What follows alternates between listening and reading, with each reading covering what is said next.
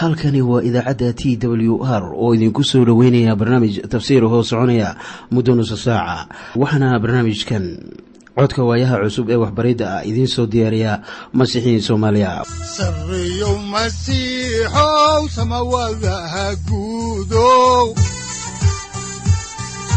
Siraadkii adduunkow subanaha eebow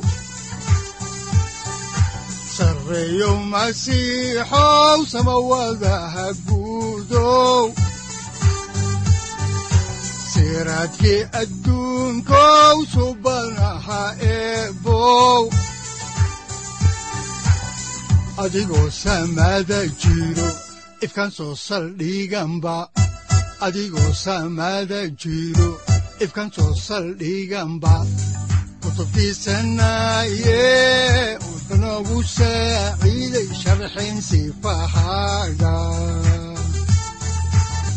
kutubtiisanaye udanogu saaciiday sharxin sifahaaga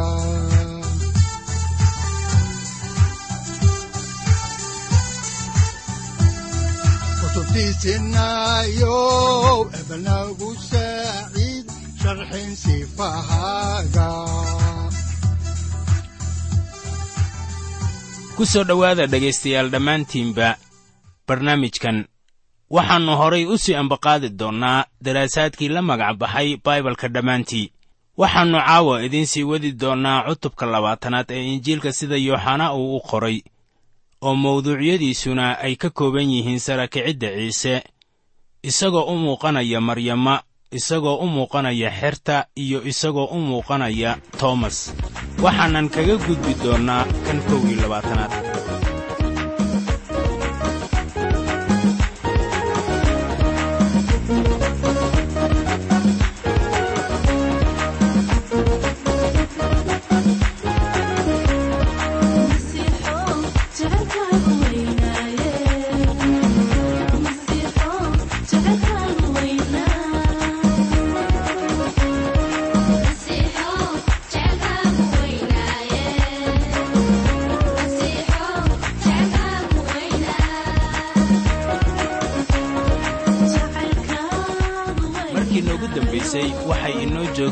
ciise oo si lama filaan ah ugu muuqday maryantii reer magdala.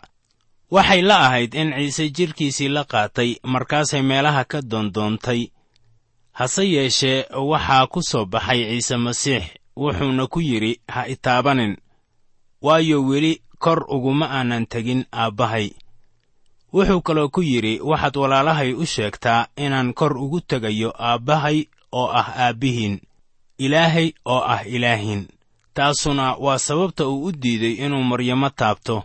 Waxaase caddaan ah inuu aabbihiis kor ugu tegay ka hor intaannu u muuqan xertii guriga ku jirtay.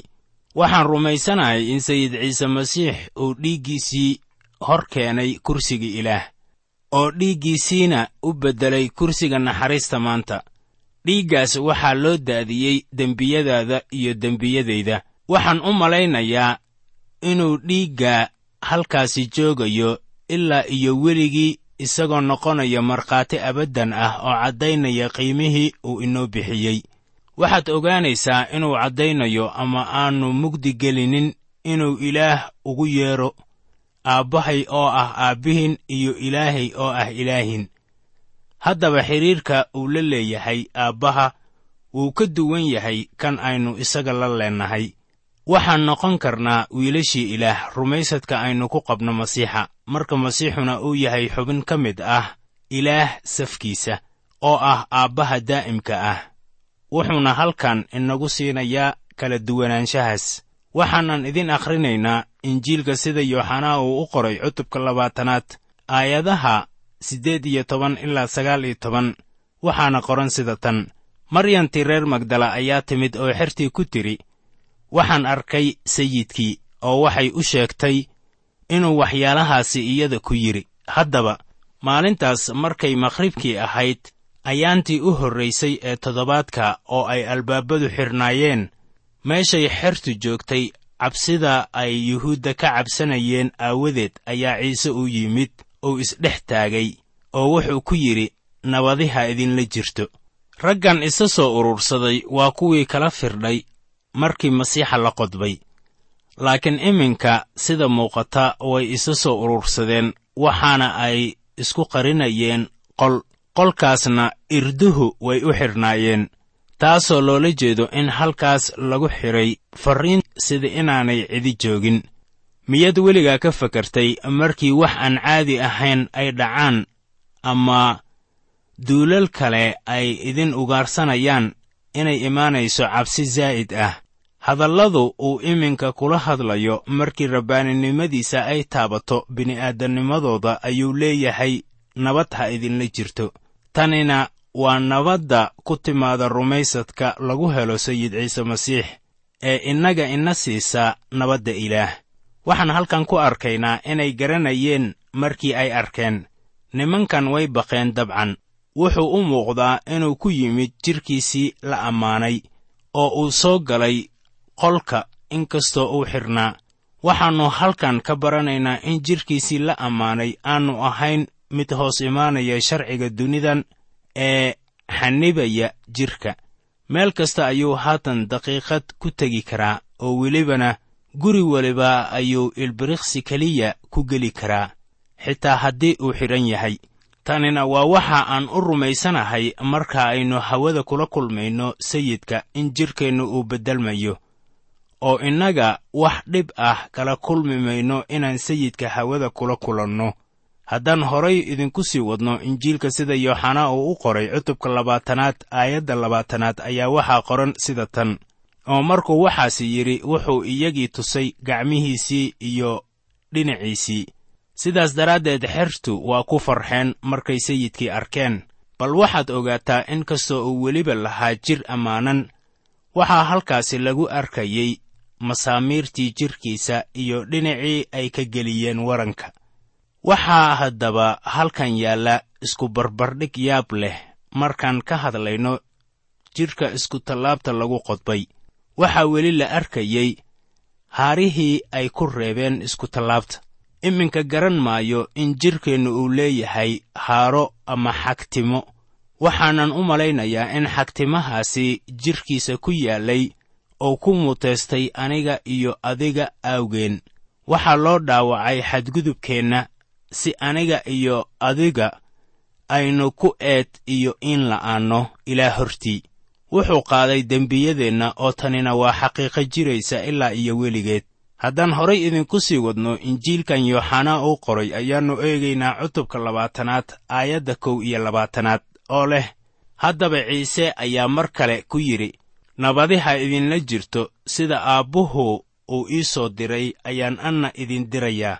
Haddaba ilama ahan in sayidka uu ku noqonayo wixii uu ku yidhi iyaga. Waxaan u malaynayaa inuu haatan si kale u salaamayo. Aayadda sagaal iyo tobanaad ayaa noqonaysa nabadda furashada oo ah tan ilaah.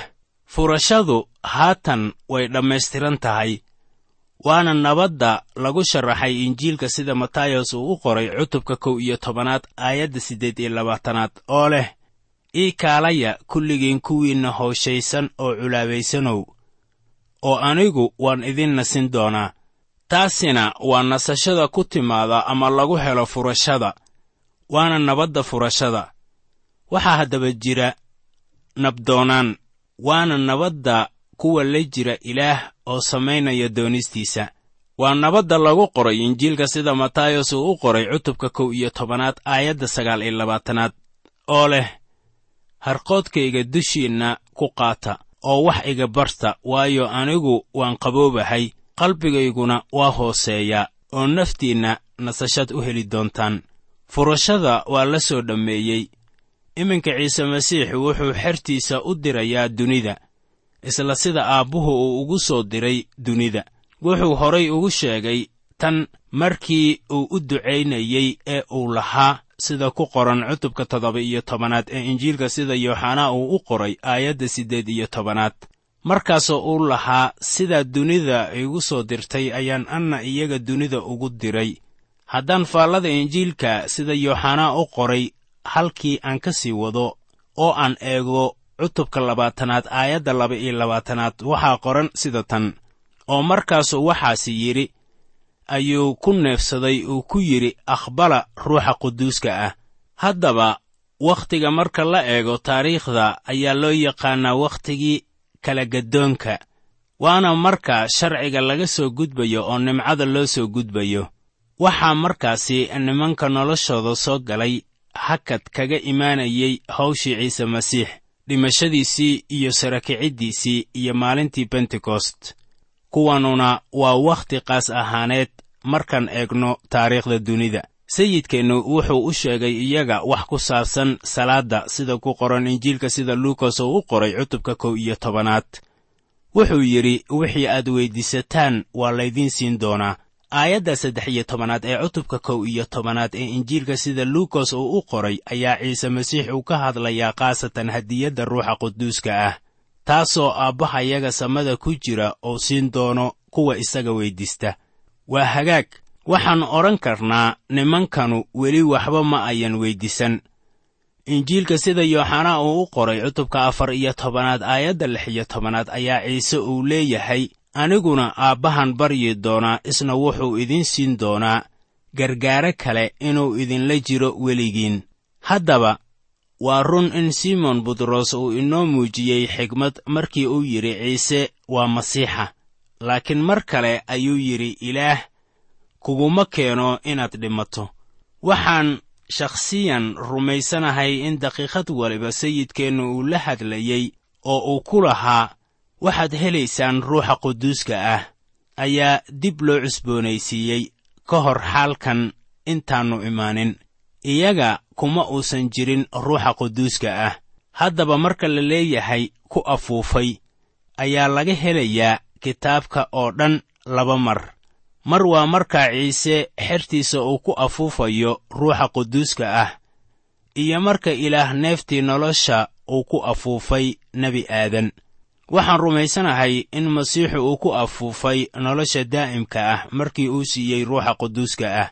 Tanuna waxay sii noolaynaysaa oo magangelinaysaa iyaga inta laga gaarayo inta u dhexeeya sama'aadistiisa iyo imaanshihiisa ee ruuxa quduuska ah maalintii bentekost maalintii bentekost ayaa ruuxa quduuska ah uu imaan doonay waxaana baabtiisaya ruuxa oo ku baabtiisaya jidhka masiixa.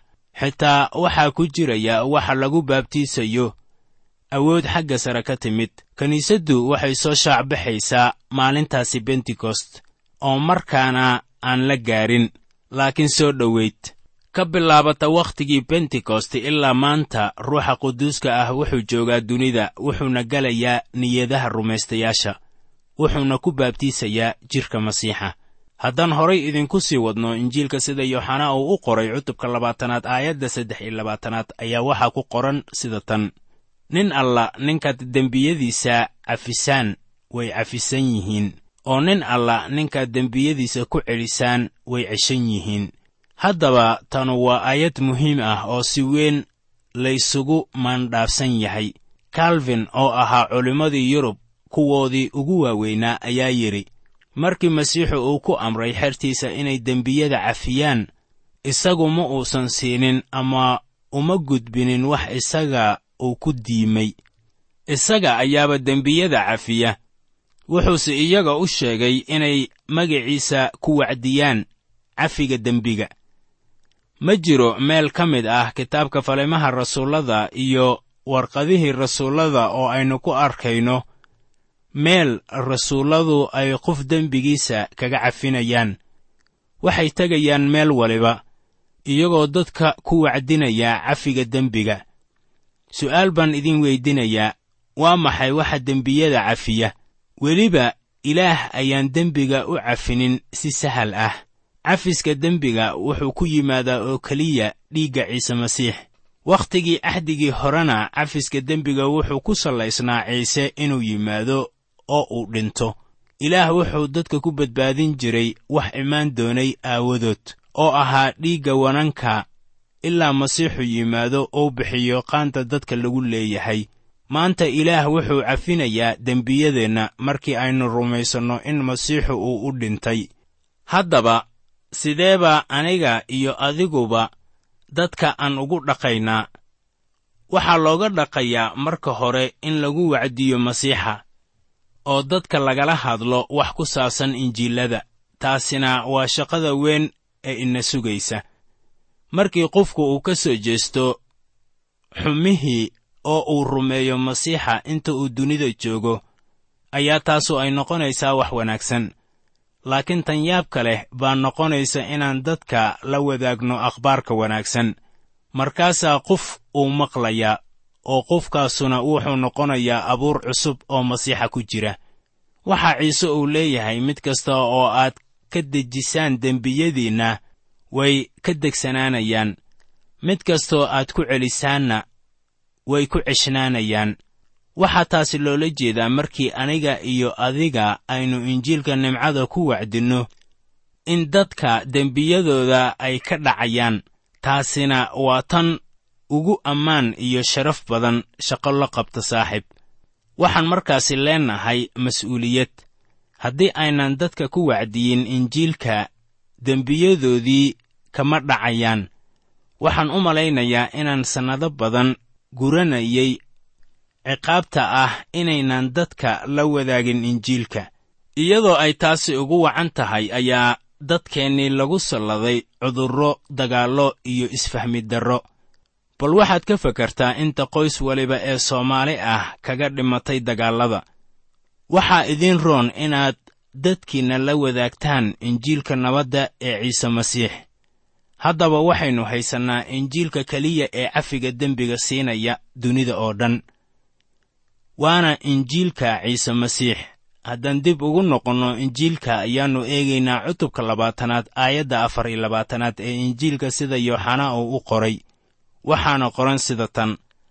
Laakiin toomas mid laba iyo tobankii ka mid ah oo didimos la odhan jiray lama joogin markuu ciise yimid waxay noqonaysaa malo. Haddii aan ka faalleeyo wixii toomas halkaasi uu kaga maqnaa.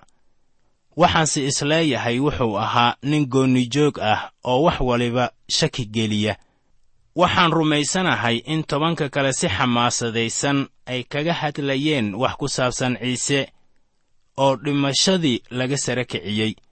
Toomasna taas ma aqbali karin. Haddaan horay idinku sii wadno ayaa waxaa ku qoran aayadda shan iyo labaatanaad sida tan. Haddaba xertii kale ayaa ku tidhi waxaannu aragnay sayidkii laakiin wuxuu ku yidhi haddaanan gacmihiisa ku arkin calaamaddii musmaarada oo aanan fartayda gelin nabarka musmaarada oo aanan gacantayda gelin dhinaciisa rumaysanba maayo. Waryaahe ninkanu wuxuu ahaa mid shaki badan. Wuxuu halkan ku hayaa xaqiiqooyin fara badan oo uu horay u soo arkay taasoo ka yeeshay inuu ka mid noqdo xerta rumaystayaasha ah. Laakiin weli isagu waxba ma rumaysneen ilaa iyo hadda. Iminka waxay u muuqataa inuu la joogi doono xertii kale. Saaxib haddii aad nimcada ku kortay waxaad u baahanaysaa inaad la joogto kuwa la doortay oo aad ka mid noqoto. Waxaana ila hagaagsan inaad hadallada ilaah wax ka wada barataan. Waxaa laynoogu digayaa warqaddii cibraaniyadda cutubka tobanaad aayadda shan iyo labaatanaad oo leh yaynaan iska daynin isku ururkeenna sida ay tahay caadada dadka qaarkood. Laakiin aan isdhiirogelinno khusuusan markaad aragtaan inay maalintu soo dhowaanayso. Waa inaynu noqonnaa kuwo isku yimaado aynu wada jir ahaan ugu korno. Haddaan horay idinku sii wadno kitaabka oo aan eegno injiilka sida yooxanaa uu u qoray cutubka labaatanaad aayadaha lix iyo labaatan ilaa siddeed iyo labaatan waxaa qoran sida tan. Oo siddeed maalmood dabadeed xertiisii gudaha ayay mar labaad wada joogeen oo toomasna waa la joogay. Markaasaa ciise yimid albaabadii oo xidhan oo intuu isdhex taagay ayuu ku yidhi nabadiha idinla jirto. Markaasuu toomas ku yidhi fartaada keen oo arag gacmahayga oo gacantaadana keen oo geli dhinacayga ha rumaysad la'aanin laakiin rumayso. Markaasuu toomas ku yidhi sayidkeeyow iyo ilaahayow haddaba laynooma sheegin inuu gacantiisa soo taagay oo geliyey dhinaciisa iyo inuuna gelin. Mana ahayn inuu sidaas yeelo. Waxaan garanayaa in maanta ay jiraan dad badan oo odhanaya haddii aan arki lahaa masiixa oo aan taaban lahaa waan rumaysan lahaa haddaba dhibaatidu ma ahan inayan haysanin xaqiiqada dhimashada iyo sara kicidda dhibaatidu waxa weeye qalbiga dadka. Ilaah wax buu ka qabanayaa dhibaatida shakiga ee dadka. Laakiin ilama ahan inuu wax ka qabanayo kuwa aan daacadda ahayn ee shakinaya. Dad badan ayaa waxay leeyihiin ma rumayn karno baibalka oo waxay ku doodayaan inaannu iyaga ku habboonayn waxgarashadooda sare aawadood. Saaxib badanaa dadka ayaan rumaysnayn baibalka iyadoo ay ugu wacan tahay niyad xumo ku abaadday nin baa beri igu yidhi ma rumayn karo axdigii hore dabeetana waxaan ogaaday inuu dembiga macaasida ku jiray. Haddaba axdigii hore kitaabkiisa baxniinta cutubka labaatanaad aayadda afar iyo tobanaad ayaa waxaa ku qoran waa inaadan sinaysan marka waxaan rumaysanahay in ilaah mar waliba wax uu ka qabanayo qofkii shaki badan. Laakiin daacad ah. Weligaa arki maysid markhaati fur ka weyn kii toomas uu u furay sayidka. Waana qirasho tan ugu weyn ee ku qoran qorniinka. In nin yuhuudi ah uu yidhaahdo sayidkay iyo ilaahayow. In nin yuhuudi ah uu yidhaahdo sayidkayow iyo ilaahayow waxay noqonaysaa waxaan la arag oo la maqal. Markhaati furkaasuna wuxuu ka yimid nin shaki badan sida toomas haddaan horay idinku sii wadno injiilka yooxanaa sida uu u qoray cutubka labaatanaad aayadda sagaal iyo labaatanaad ayaa waxaa qoran sida tan. Markaasaa ciise uu ku yidhi waad i aragtay taas aawadeed ayaad rumaysatay. Waxaa barakadaysan kuwa aan i arag ee i rumaystay haddaba waxaa jira barako qaas ahaaneed oo aynu maanta helayno. Waa kuweenna rumaysan xaqaa'iqa dhimashadii iyo sarakiciddii masiixa. Haddaan soo gunaanadno xigashada cutubkan ayaa waxaa ku qoran injiilka sida yooxanaa uu u qoray. Cutubka labaatanaad aayadaha soddon ilaa kow iyo soddon sida tan. Haddaba waxaa ciise uu ku sameeyey xertii hortooda calaamooyin kale oo badan oo aan ku qornayn kitaabkan laakiin waxyaalahan waxaa loo qoray inaad rumaysataan inuu ciise yahay masiixa wiilka ilaah iyo inaad nolosha ku lahaataan magaciisa idinkoo rumaysanaya. Haddaba aayadahan ayaa noqonaya furaha injiilkan. Sayidka wuxuu sameeyey waxyaalo fara badan ee aan halkan ku qornayn. Wuxuu bogsiiyey makhluuq tiro badan oo waxaan u malaynayaa in yooxanaa qudhiisu uu uga gol lahaa inuu sameeyey waxyaabo kale ee fara badan kadib markii uu sare kacay kuwaasoo aan la qorin. Yooxanaa wuxuu ahaa nin kala dooranaya waxa uu ku qorayo injiilka. Wuxuu doortay qisooyinka uu inoo soo qoray waayo dan cayiman buu maanka ku hayey yooxanaa iskuma dayin inuu qoro qiso nololeedka ciise masiix welibana iskuma dayin inuu qoraalkiisa ku daro qisooyinka ay ka tageen injiilada kale. Wuxuu wax u qorayey si ay u rumaystaan inuu ciise masiix yahay wiilka ilaah iyo inaad nolosha ku lahaataan magiciisa idinkoo rumaysanaya. Waxa weeye rumaysashada tan aad ku helayso nolosha oo aad ku noqonayso mid mar kale dhashay. Waxaanaad rumaysadka ciise masiix ku noqonaysaa mid ka mid ah carruurtii ilaah dhegaystayaal waxaynu soo gaadhnay injiilka sida yooxanaa uu u qoray cutubkiisa kow iyo labaatanaad. Mawduuca cutubkanu waxa weeye gunaanad waxaana uu ka kooban yahay ammaanistii ciise masiixii sare kacay oo ah rabbi sayidka doonisteenna oo haga howlaheenna waxaana kaloo uu noqday sayidka niyadaheenna. Waxaa kaloo uu isagu uu inoo noqonayaa kan ina kicinaya.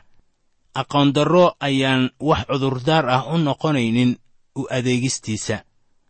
Cutubka kow iyo labaatanaad waxa weeye gunaanadka injiilka sida yooxanaa uu u qoray.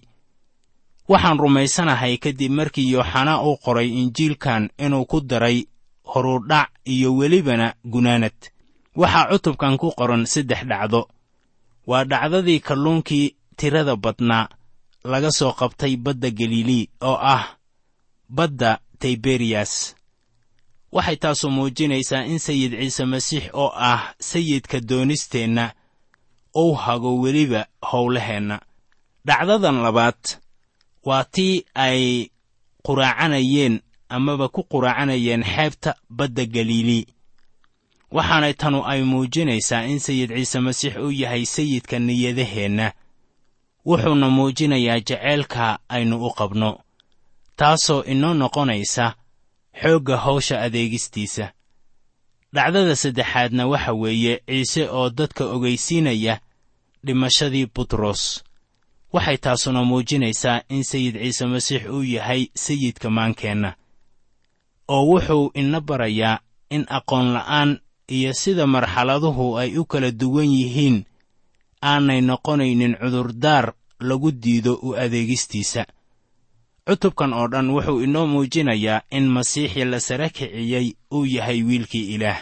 Haddaan markii u horraysay caawa idin bilowno xigashada kitaabka injiilka sida yooxanaa uu u qoray cutubka kow iyo labaatanaad. Aayadaha kow ilaa saddex ayaa waxaa qoran sida tan. Waxyaalahaas dabadeed ciise ayaa mar kale xertii isugu muujiyey badda tayberiyas agteeda oo sida tan ayuu isku tusay. Waxaa wada joogay simon butros iyo toomas kan la yidhaahdo didimos iyo natani'el oo ahaa kii kaana tii galilii iyo wiilashiisa beddi iyo laba kale oo xertii ah. Simon butros wuxuu iyaga ku yidhi waa soo kalluumaysanayaa markaasay ku yidhaahdeen annana waannu ku raacaynaa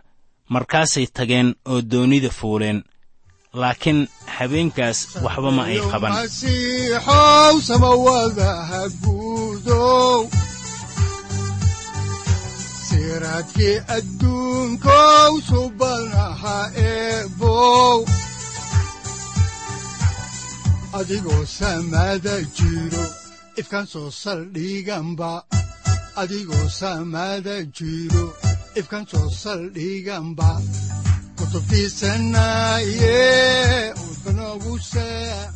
halkani waa t w r idaacadda t w r oo idinku leh ilaa ha idin barakeeyo oo ha idinku anfaco wixii aad caawi ka maqasheen barnaamijka. Waxaa barnaamijkan oo kalaa aad ka maqli doontaan habeen dambe.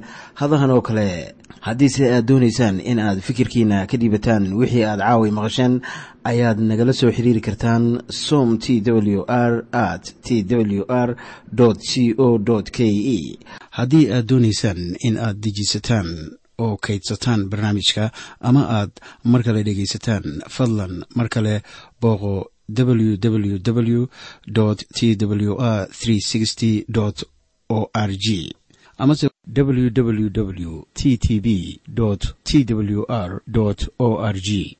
Amase waxaad teleefoonkaaga ku kaydsataa ama ku download garaysataa agabyada ku sahli karaa dhegeysiga t w r haddii aad doonayso in laga kaalmeeyo dhinacyada fahamka kitaabka amase aad u baahan tahay duco fadlan fariimahaaga soo mari bogga aaraahda ama kommentska inana jawaab degdeg ah ayaanu ku soo diri doonaa amase ku siin doonaaye sareyow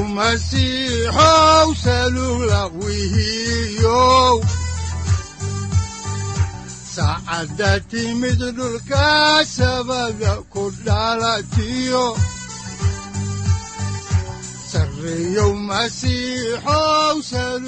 halkani waa t w r oo idiin rajaynaya habeen baraare iyo barwaaqaba leh. Inta aynu ka gaari doono wakhti aynu ku kulanno barnaamij la mida kan caawayay aad maqasheen. Waxa aan idinku leeyahay nabadda ciise masiix ha idinku badato xagga jidhka iyo ruuxaba. Aamiin